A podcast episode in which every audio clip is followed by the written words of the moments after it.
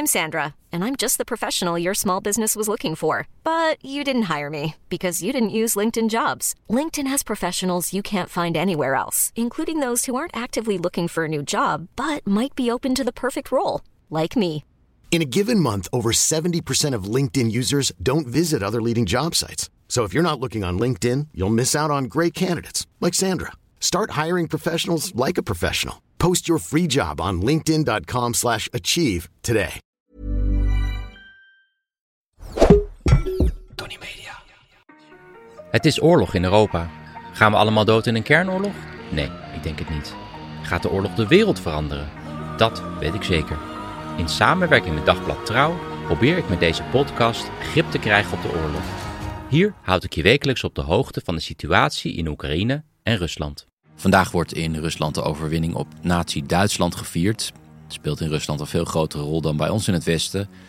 Ze noemen het ook niet de Tweede Wereldoorlog, maar de Grote Vaderlandse Oorlog.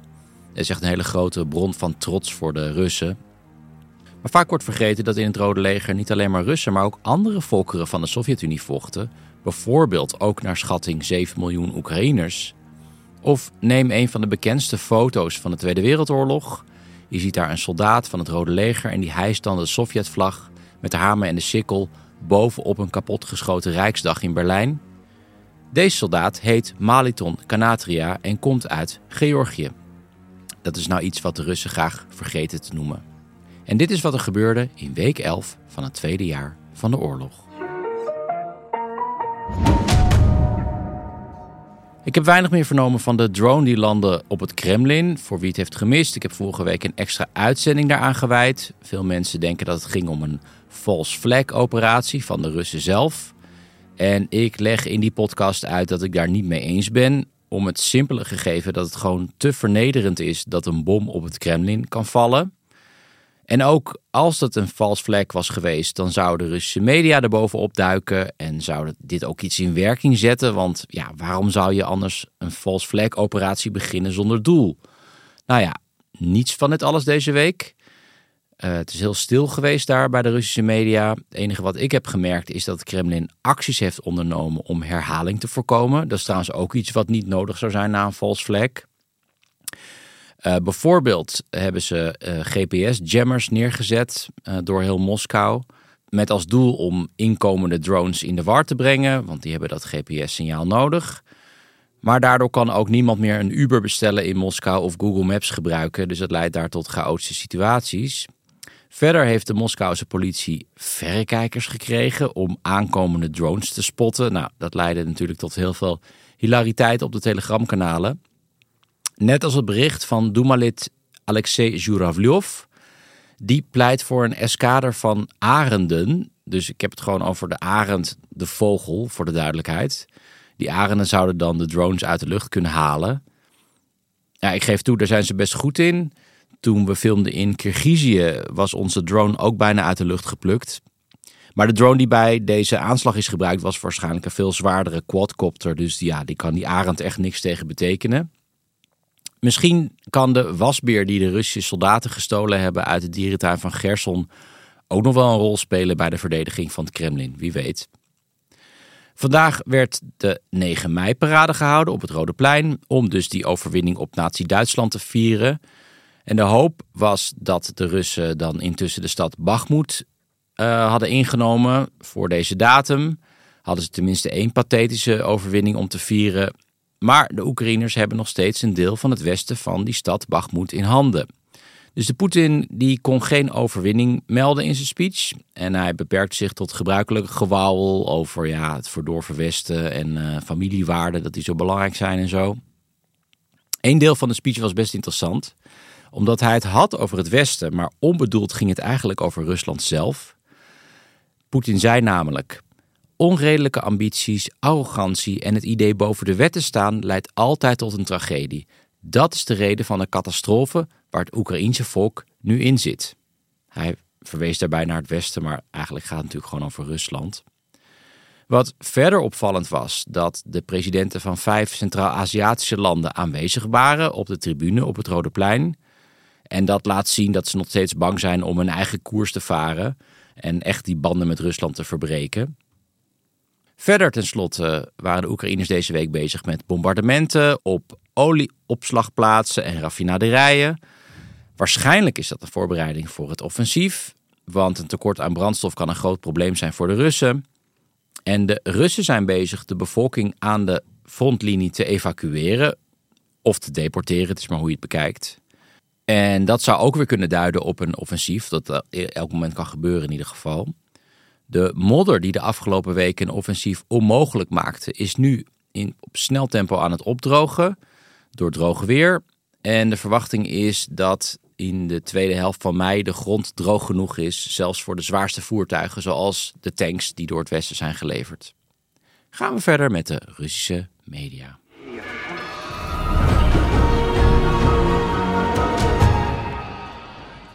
Ik zei het al, in Oekraïne was het droog weer, maar dat geldt ook voor Rusland. En dat leidt tot grote bosbranden, wat op zich een normaal fenomeen is in deze tijd van het jaar. Maar sinds een paar jaar neemt het aantal bosbranden toe en blijven die ook langer branden. En dat is een direct gevolg van de opwarming van de aarde. Ik heb een paar jaar geleden voor Trouw een reportage gemaakt van bosbranden in Siberië. Met ook prachtige foto's van fotograaf Jeroen Torkens. Ga daar ook op stap met een groep vrijwilligers die bij het Baikalmeer in Siberië brandjes aan het blussen zijn. Ik zal een link in de show notes zetten. Maar die Russische brandweer die is altijd al onderbezet geweest en hebben ook chronisch gebrek aan materieel. Dat komt ook door grootschalige corruptie. Dat geldt voor nieuwe brandweerauto's, dat verdwijnt dan eh, in zakken van officials. En dat leidt tot veel woedende reacties van Russen op Telegram deze week. In wanhoop gaan mensen zelf maar branden blussen. Viral ging een brief uit de stad Asbest, waar de boel in brand staat. Sowieso is deze stad echt een van de treurigste plekken van Rusland en dat zegt wel wat. Er is daar een open mijn waar nog steeds asbest wordt gewonnen. Daarom heet de stad ook zo. Heel gezellig. Zo van, waar woon je? Ja, ik woon in asbest. En dat stof van die asbestmijnen leidt normaal al tot longproblemen, longkanker. Maar er komt dus die rook van die brand ook nog eens bij. In de open brief wordt verteld dat daar in asbest al vier dagen lang een brand woedt. De omringende dorpen zijn al uitgebrand, er zijn doden gevallen. Uh, er is niet genoeg brandweer, niet genoeg uitrusting. En de vrijwilligers zijn ook gestopt met het blussen omdat ze gewoon die brand niet aankunnen. En er valt dus al bijna niet meer te ademen. En sinds twee dagen ook nog eens is, komt er geen water meer uit de kraan. De waterpomp staat in brand. En alle waterflessen zijn op in de winkels.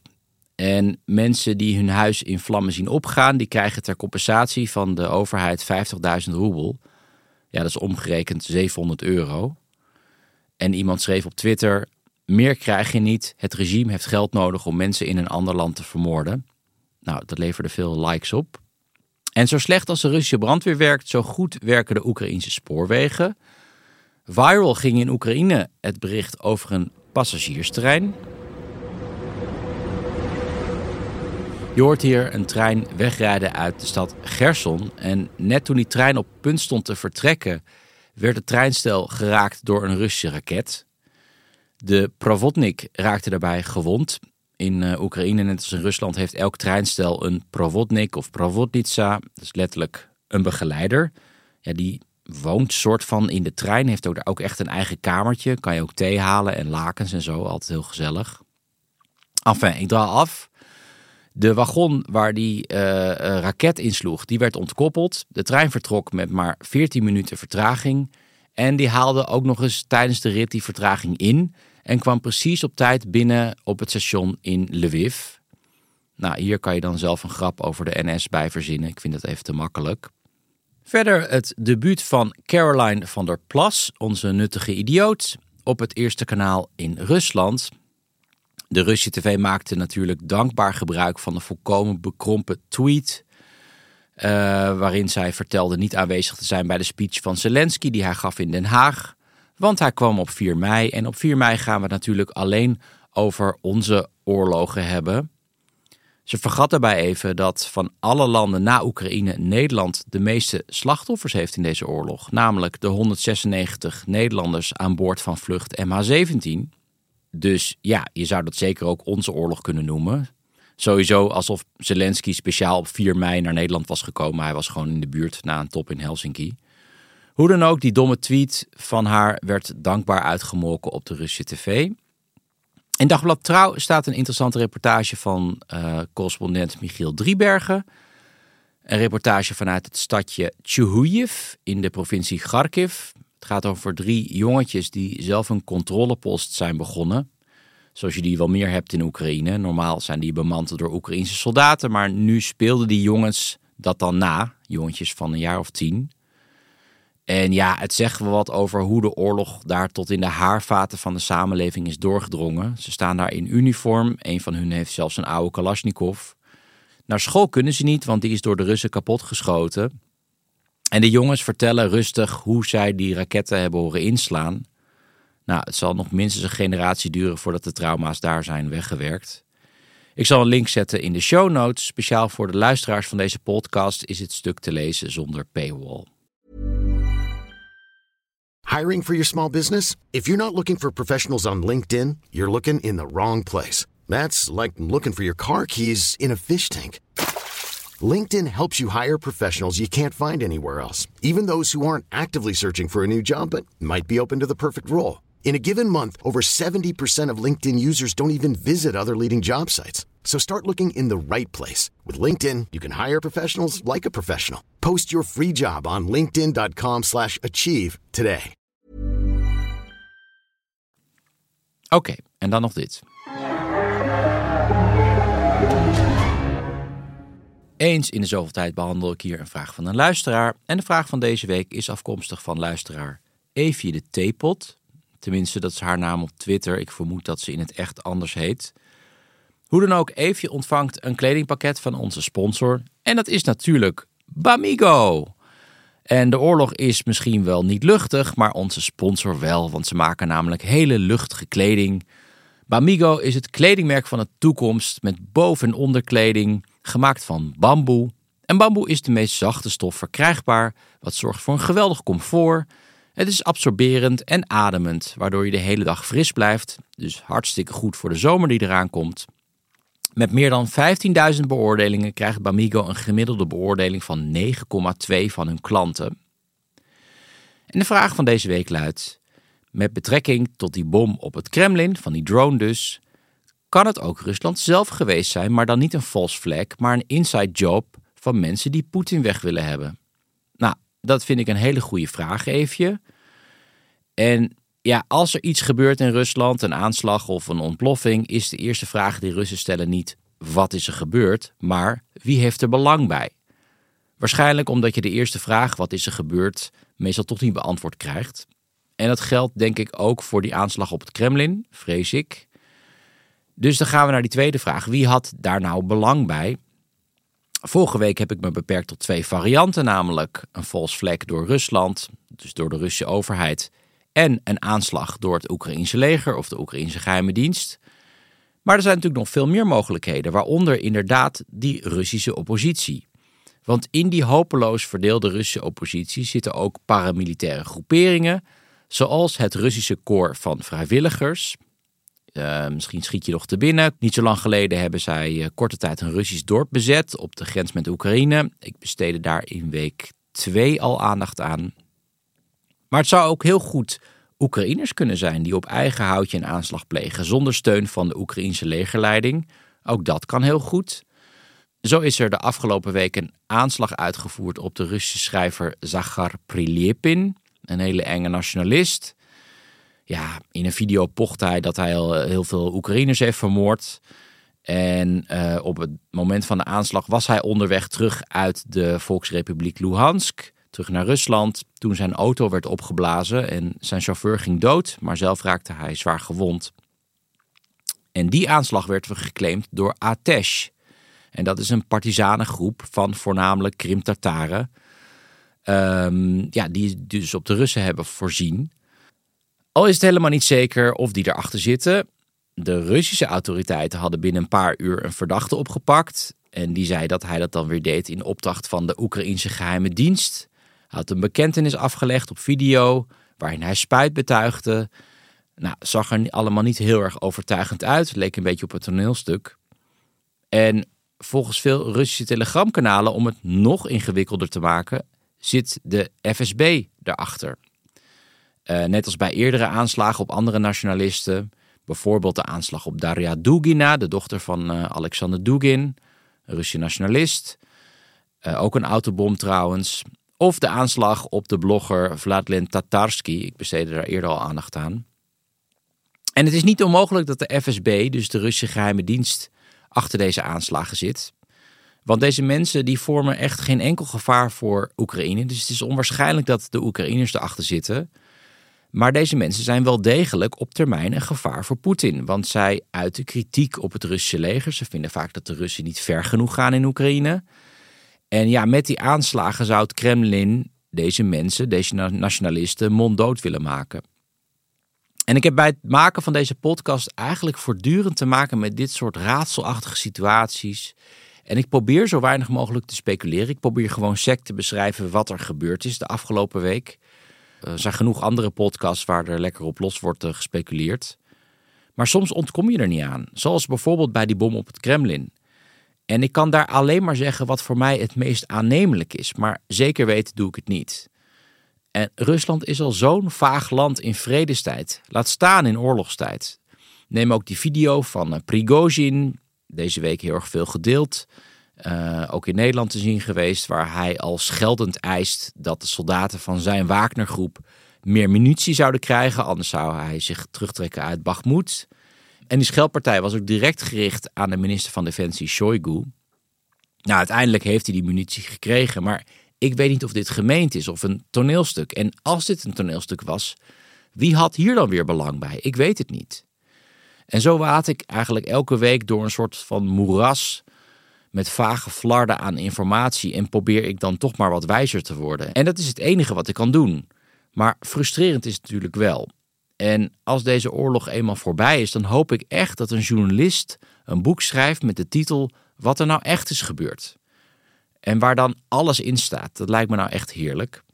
Uh, hoe dan ook, Eefje, bedankt voor je goede vraag.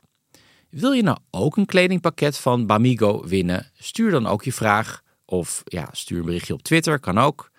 De e-mail staat in de show notes, zo kan het ook. Uh, maar je kan natuurlijk ook zelf een keer iets bestellen bij Bamigo. Begin eens met een van de essentials: boxershorts, sokken, truien of loungewear. Luisteraars van deze podcast krijgen maar liefst 20% korting op hun eerste bestelling met gebruikmaking van kortingscode Jelle20. Het wordt steeds moeilijker om betrouwbare informatie uit Rusland te halen. En de meeste Russische journalisten zijn intussen gevlucht naar het buitenland. Voor buitenlands correspondenten wordt het ook steeds riskanter. Ivan Gershkovich, de correspondent voor de Wall Street Journal, die zit nog steeds vast met uh, verzonnen verdenking van spionage. En gisteren maakte NOS-correspondent Iris de Greef ook bekend dat ze weggaat uit uh, Rusland. Dus ja, hoe kan je nou achter de waarheid komen als je niet ter plaatse verslag kan doen? Dat kan onder meer door handig gebruik te maken van open source materiaal, videobeelden, foto's, satellietbeelden. En de New York Times heeft het zogenaamde Visual Investigations Team, die precies dat doen. En een van de leden van dit team, Christian Triebert, is bij mij aan de lijn vandaag. Goedemorgen, Christian. Goedemorgen, Jelle. Hoi, hoi. Het team van Christian won vorig jaar een Pulitzerprijs met hun werk. Kan je iets vertellen over uh, waar jullie precies die prijs voor hebben gekregen? Zeker. Um, vorig jaar hebben we, was ons team onderdeel van een Pulitzerprijs. Uh, die eigenlijk um, de Amerikaanse luchtaanvallen op uh, doelen in uh, Syrië, Irak en Afghanistan onderzocht. En mm -hmm. daar eigenlijk burgerslachtoffers bij maakte. En daar ehm, niet altijd heel erg duidelijk over was. Of sterker nog, um, dat misschien een beetje onder het tafelkleed probeert te vegen. En het interessante is dat, is, dat, is, dat is voor mij de tweede Pulitzer uh, waar ik uh, bij betrokken ben. Want. Twee of drie jaar eerder, eerder deden we eigenlijk hetzelfde. Het onderzoeken van burgerslachtoffers in Syrië. Maar dan niet op de VS gefocust, mm -hmm. uh, maar op Rusland. Mm. Dus um, dat was wel bijzonder. Dat we eigenlijk met die beide soorten. Nou, er komt ook heel veel traditionele journalistiek bij kijken hoor. En wij, okay. wij, wij, wij spelen natuurlijk daar een rol bij. Maar dat is wel, uh, dat was wel bijzonder, ja. Mm. En uh, in het tweede geval ging het om een, een burgerslachtoffer, een man die zogenaamd ja, explosief of wat dan ook bij zich zou hebben, maar hij was gewoon ergens water halen, toch?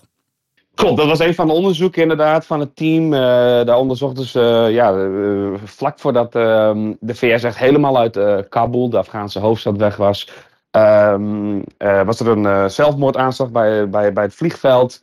En toen reageerde de VS daar een, een, paar dagen later op door een, door een huis te bombarderen. En zeiden, nou, we hebben nog een andere terrorist gedood. Yeah. Helemaal goed, succesvolle aanval. En uh, bij nader inzien uh, uh, wees het onderzoek van het Visual Investigations Team uit dat dat, een, um, dat het gewoon een man was die notabene voor een Amerikaanse non-governementele organisatie werkte. Die net thuis kwam, had water gehaald. Geen bommen, maar water. En de kinderen renden naar hem toe, blij om hem weer te zien. En toen, werd er, toen dropte de Amerikanen een wapen bovenop hem. Dus ja, dat, dat is wel niet, dat heel verschrikkelijk. Door onder meer de beelden te zien denk ik, van een beveiligingscamera waar je die man gewoon jerrycans met water ziet vullen. Dat is een van de beelden die jullie hebben gebruikt daarvoor. Klopt. Ja. Uh, dus, dus daar zie je ook, het, het, het, visuele analyse doen natuurlijk heel veel. Maar mm. je ziet hier ook in zo'n geval dat het heel erg belangrijk is om op de grond toch aanwezig te zijn. En een collega van ons die kon naar, uh, of, of sterker nog, volgens mij was het mijn collega hier in New York die, uh, die eigenlijk gewoon de, de organisatie, de, de NGO, de non-governementele organisatie schreef van, hey, hebben jullie toevallig ook camerabeelden? Mm. Um, en die Pulitzer, die Pulitzer-prijzen, dat, kijk, ja, die prijzen doen allemaal niet zo heel veel toe. Maar dat is vaak een, een, een, een dat noemen ze hier dan een body of work. Dus Ja. dit is dan één onderzoek daarvan. En er waren ook onderzoeken over gewoon bijvoorbeeld, en dat is wel interessant, van ehm, dat het Pentagon eigenlijk niet heel goed is in googelen. Dus je moet je voorstellen dat elke keer als zij een plek bombarderen en dat zegt dan iemand. Hè, dat kan, dat kan, dat- en, en in Nederland natuurlijk, Hawija is natuurlijk een hele grote, grote zaak geweest, of Mm. is dat nog steeds. Ehm, dan moet je je voorstellen dat het Pentagon eigenlijk zegt, oké, dan komt de beschuldiging binnen. Jullie hebben hier eh, zeven eh, burgers gedood bij jullie luchtaanval. En dat is in het plaatsje, nou weet ik niet, eh, ik kom zo uit Friesland, als we het naar Nederland verplaatsen, stel dat is in Akrum gebeurd. Ja, En degene die dat spelt, hè, weet, ik veel, die doet een Friese spelling. En die ehm, Amerikanen typen dat in en die denken, ja, nou ja, ik kan helemaal niks vinden op Google. En op Oh, Google. Maps staat het plaatje helemaal niet. En dat wij echt zoiets hadden van, dit kan niet de reden zijn waarom ze zeggen, er zijn geen burgerslachtoffers geweest. Omdat ze simpelweg de plaats niet konden vinden op Google, Ja. op Google Maps. Ehm, en dat bleek dus wel zo te zijn. In je heel zou veel zeggen dat ze bij Defensie ook wel wat. eh, je zou zeggen dat ze bij Amerikaanse Defensie ook wel wat Christian Trieberts hebben werken, maar dat is dus niet zo. Ja, precies, Ja. dat zou je hopen. Maar eh, dat, dat, dat wekt er toch wel de vraag op van, eh, ja, wat doen ze eigenlijk Ja. om dit te onderzoeken? Ja. Hey Chris, ja, we gaan verder. Ehm, we gaan het natuurlijk ook hebben over de oorlog in Oekraïne. Jullie hebben een belangrijke rol gespeeld bij, de, bij het onthullen van oorlogsmisdaden van de Russen in, in Bucha. Die Russen die ontkenden dat aanvankelijk eh, glashard, zoals ze dat altijd doen. Ze suggereerden volgens mij zelfs dat de Oekraïners lichamen over de straat hadden verspreid. Nadat ze zich hadden eh, teruggetrokken. Of tenminste, dat de, toen de Oekraïners eh, dat gebied binnenkwamen, nadat de Russen zich hadden dat teruggetrokken. Hoe gingen jullie bij Mhm. dit artikel precies te werk? Nou, dit was eigenlijk een heel, eh, een heel snel artikel. Ehm, het is het verschil bij de New York Times. Zie je als alle, alle woorden met een hoofdletter zijn, dan is het een, een, een groot vrijstaand artikel. En als alles in, het, in, in kleine letters staat als een soort van zin, dan is het een, een live blog update. Zoals heel veel media eh, vandaag de dag doen. Ja. En soms doen we zo'n live blog update, eh, omdat het, dat het simpelweg gewoon eh, nieuwswaardig is en het moet gewoon snel online staan. En in dit geval, ehm, mijn collega's eh, David en Haley, we zijn een redelijk klein team. Ehm, ja, die zagen gewoon die. Met die, hoeveel die, zijn die, jullie? Die, die, eh, 17 mensen, 17. waaronder, waarvan maar acht, acht verslaggevers. Dus ik ben een van de verslaggevers, eh, verslaggevers. En dan heb je nog mensen die, die, die, die de satellietenbeelden annoteren en editors natuurlijk, weet je wel. Mhm, mhm. En toevallig eh Malachi en David, dat zijn twee van mijn editors. En dan Haley is, ehm, is het jongste lid van het team. Die, die, die, ehm, die is nu 25. Ehm, nou, hoe gaat het te werk? Het is eigenlijk dat die, die beschuldiging van Rusland, die kwam naar buiten. Zo van, eh, ja, hey, eh, die zijn er gewoon neergelegd toen, eh, toen de Oekraïners daar weer kwamen. Want wij, zijn er, wij waren er helemaal niet toen die lichamen daar ehm, op de grond lagen in, in Bucha. Eh, dicht bij Kiev, of een soort van zo'n buitenwijk van Kiev. Ehm, En kijk, satellietbeelden zijn natuurlijk heel interessant. En meestal kun je niet een persoon ontdekken op een satellietbeeld. Dat is heel erg moeilijk. Ehm, de hoogste resolutie satellietbeelden die eigenlijk commercieel beschikbaar zijn, dat is, moet je je voorstellen, één pixel op je scherm of op je mobiele telefoonscherm. Uh, die staat gelijk aan 30 centimeter in de echte wereld. Dus je Mhm. kunt je voorstellen, nou als, je, als je iets naar anderhalve, eh, nou ja, wat, wat, als je top-down naar iets kijkt, iemand kijkt, wat is dat? Hoogstens 50 centimeter. Dat is heel moeilijk te ontdekken. Ja. Ehm, maar wat was hier nou het geval? Die, die hele bekende af, afschrijzelijke video waar iemand eigenlijk door die straat rijdt en die slingert om dode lichamen heen. Ja, ja. Ehm, ten eerste, die lichamen liggen op de grond. En de eerste punt is dus, oké, kunnen we uitvogelen waar die auto rijdt? En dat was redelijk makkelijk. Mijn collega hele, die, die was heel snel om de uit te vogelen. Oké, nou, het is deze straat in Bucha. Mhm. En wat we toen deden is kijken, oké, kunnen we hoge resolutie beelden ehm, aanvragen? En, en nogmaals, dat is, dat is commercieel beschikbaar. Soms moet je ervoor betalen, soms niet. Uh, maar de New York Times kan er gewoon voor betalen. En dat, hè, dat kan dan, soms is het een paar honderd dollar, of soms iets meer, soms iets minder. Mhm. Maar die kun je kopen. En wat we dachten, oké, als je. Ik zeg we trouwens, en dat is natuurlijk gewoon het team. Want Ja, ik was tuurlijk. zelf deed ik niet eens eh, dit, dit onderzoek, maar Ja. iedereen is heel eh, nauw, nauw betrokken. Ehm, ehm, en wat zag je op die satellietbeelden? Je kon dus eigenlijk op die precieze plekken waar die auto eromheen slingert, zag je dus eigenlijk soort van zwarte strepen of zwarte soort van ja, eh, gestalten liggen op de straat. Mhm. Waarom? Omdat die lichamen, die, die liggen op de grond. Dus niet van bovenaan, maar die zijn Ja, natuurlijk al, dat zijn dode lichamen die op de grond liggen. Ja. Precies, grote oppervlakte. Dus die waren precies op die plekken waar de, op de video van de grond te zien waren, waren die lichamen te zien. En toen was het simpelweg een kwestie van tijd om te kijken, oké, wanneer ehm, verschijnen die lichamen op een satellietbeeld? Ja. En dat bleek dus al te zijn wanneer het Russische leger of de Russische troepen die daar zaten, nog lang en breed daar, daar controle hadden. Dus Ja. dat statement van het Russische ministerie van Defensie, of misschien Peskov, hè, Mhm. van Kremlin, weet niet precies meer wie het zei, eh, dat ze zeiden van ja, die zijn er neergelegd toen, de, toen wij al weggetrokken Ja. zijn. Dat was dus heel makkelijk te zeggen van dat klopt dus helemaal niet. Ja. En eh, dat is eigenlijk gewoon het stuk. eh, Van hé, hey, dit is wat we weten. We weten dat die lichamen daar verschenen toen, ehm, toen, toen, toen de Russen nog in controle waren van het gebied. Nou, dat is één stap en dat, dat wordt dan meteen gepubliceerd. En we, natuurlijk weten we dan nog heel weinig of eigenlijk niks over de toedracht van, ehm, van, van de dood van deze mensen. En daarop heeft het team ehm, later nog een, eh, een, eh, een heel groot onderzoek gedaan. Oké, kunnen we vaststellen hoe deze mensen zijn omgekomen Mhm. en aan de hand van wie? Welke officier, zeg maar, welke soldaten onder welke eh, troepen hebben dit gedaan? Want het was wel duidelijk dat dat, dat, dat, dat, wijst in de richting van Rusland, maar in, ehm, nou, zoals ze het in het Engels noemen, accountability, help me eens, wat is het in het Nederlands? Ja, Accountability. rekenschap Ehm, afleggen.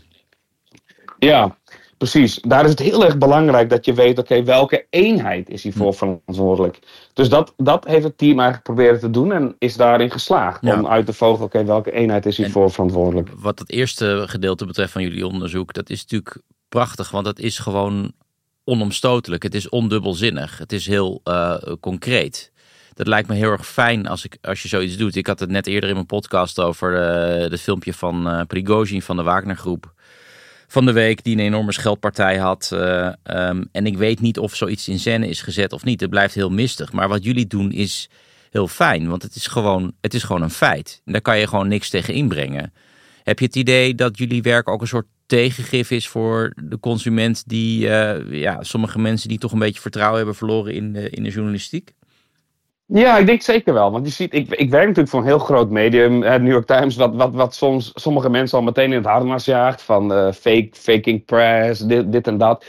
Maar wat je vaak ziet is omdat we zo transparant zijn in hoe wij onze onderzoeken doen. En de informatie die we verschikken van, hey, dit is de reden waarom we zeggen dat, dat bijvoorbeeld die lichamen daar al lagen. En je kunt het zelf nu ook bekijken.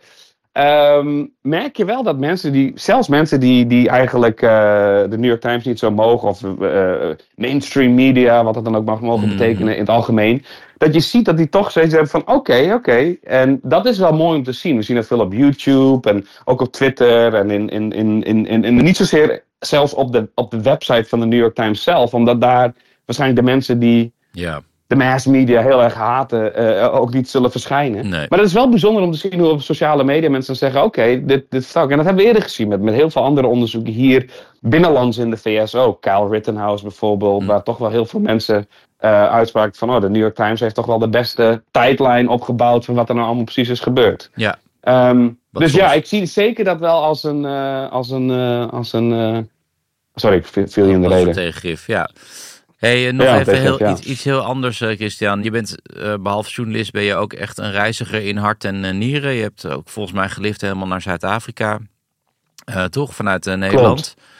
Nu zit je, ja. Ja. je, je, je vertelde wel net dat je ook verslaggever bent, maar je zit ook voor een groot deel van de tijd toch wel vaak naar satellietbeelden te staren of, of video's te kijken. Mis je dat reizen nou nooit?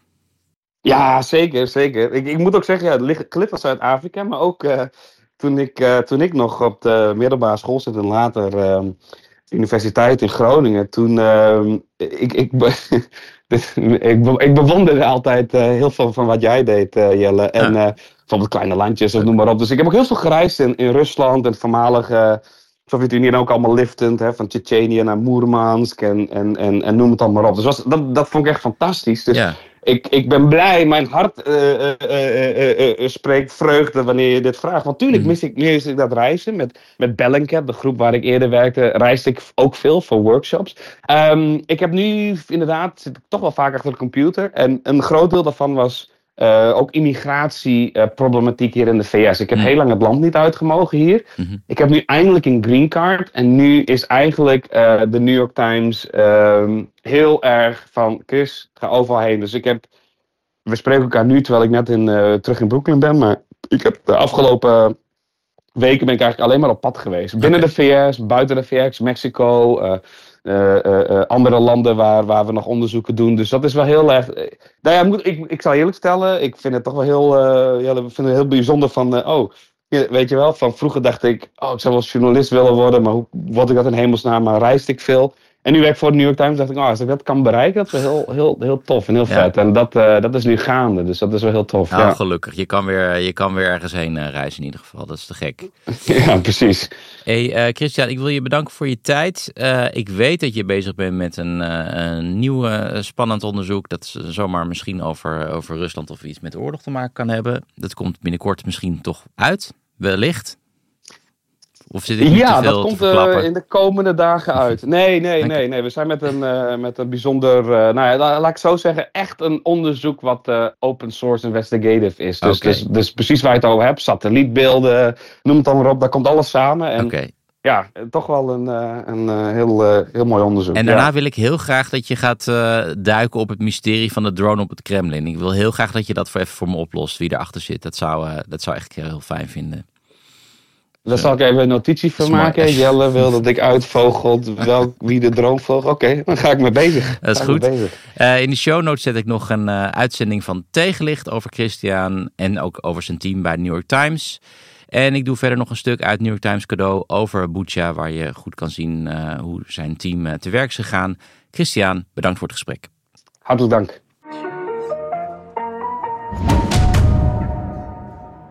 Dat was het voor deze week weer. Ik ben natuurlijk weer volgende week op dinsdag. Tot dan.